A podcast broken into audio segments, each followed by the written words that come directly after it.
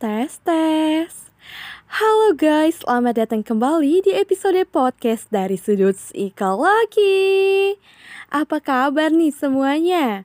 Di mana pun kalian dan apa pun yang sedang kalian lakukan, Mimin selalu berdoa semoga kita semua selalu dalam keadaan sehat jiwa dan raga tentunya.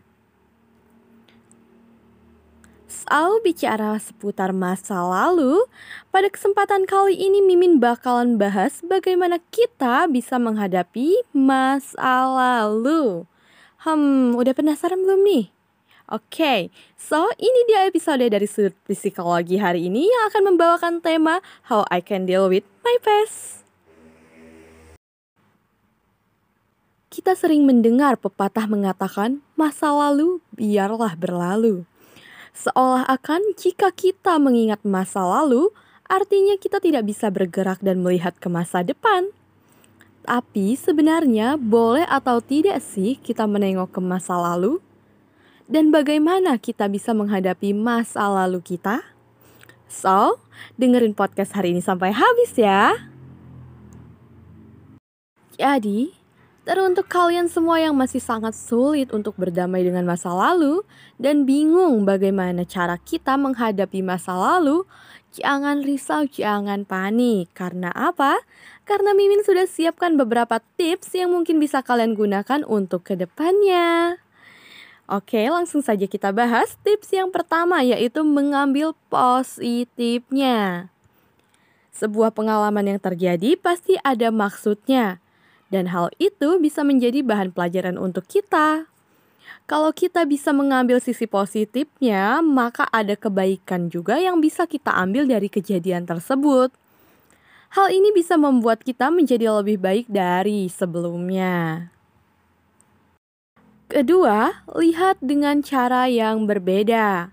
Sebuah pengalaman yang buruk akan selalu buruk apabila kita memandang dari sisi yang sama. Hal ini yang akhirnya membuat kita trauma terhadap suatu hal. Kita harus bisa melihat nih teman-teman pengalaman tersebut dari sisi lain. Yang nantinya hal inilah yang membuka mata dan pemikiran kita nih. Sehingga menjadi motivasi kita di masa sekarang serta masa depan. Tips selanjutnya yaitu tidak membawa beban masa lalu.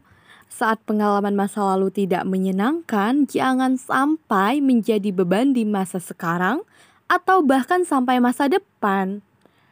Karena apa? Karena kita akan mengambil sisi negatifnya saja dari masa lalu tersebut. Karena itu nantinya akan membuat kita menjadi mudah mengeluh saat menghadapi sesuatu yang tidak sesuai keinginan kita. Tips yang terakhir yaitu melihat secara periodik. Maksud Mimin dalam melihat secara periodik itu kita dibolehkan melihat masa lalu. Tapi bukan berarti membuat kita menjadi terlalu sering menengok ke belakang gitu guys. Hmm, seperti ini saat kita berulang tahun, yaitu salah satu momen kita diharuskan melihat ke masa lalu. Karena hal ini merupakan salah satu bentuk evaluasi diri apa yang harus dipertahankan dari kita dan apa yang harus kita lupakan. Dengan begitu, kita dapat mengukur kemajuan yang terjadi di dalam diri kita, gengs. Nah, itu dia tadi pembahasan kita tentang bagaimana cara kita menghadapi masa lalu hari ini, guys.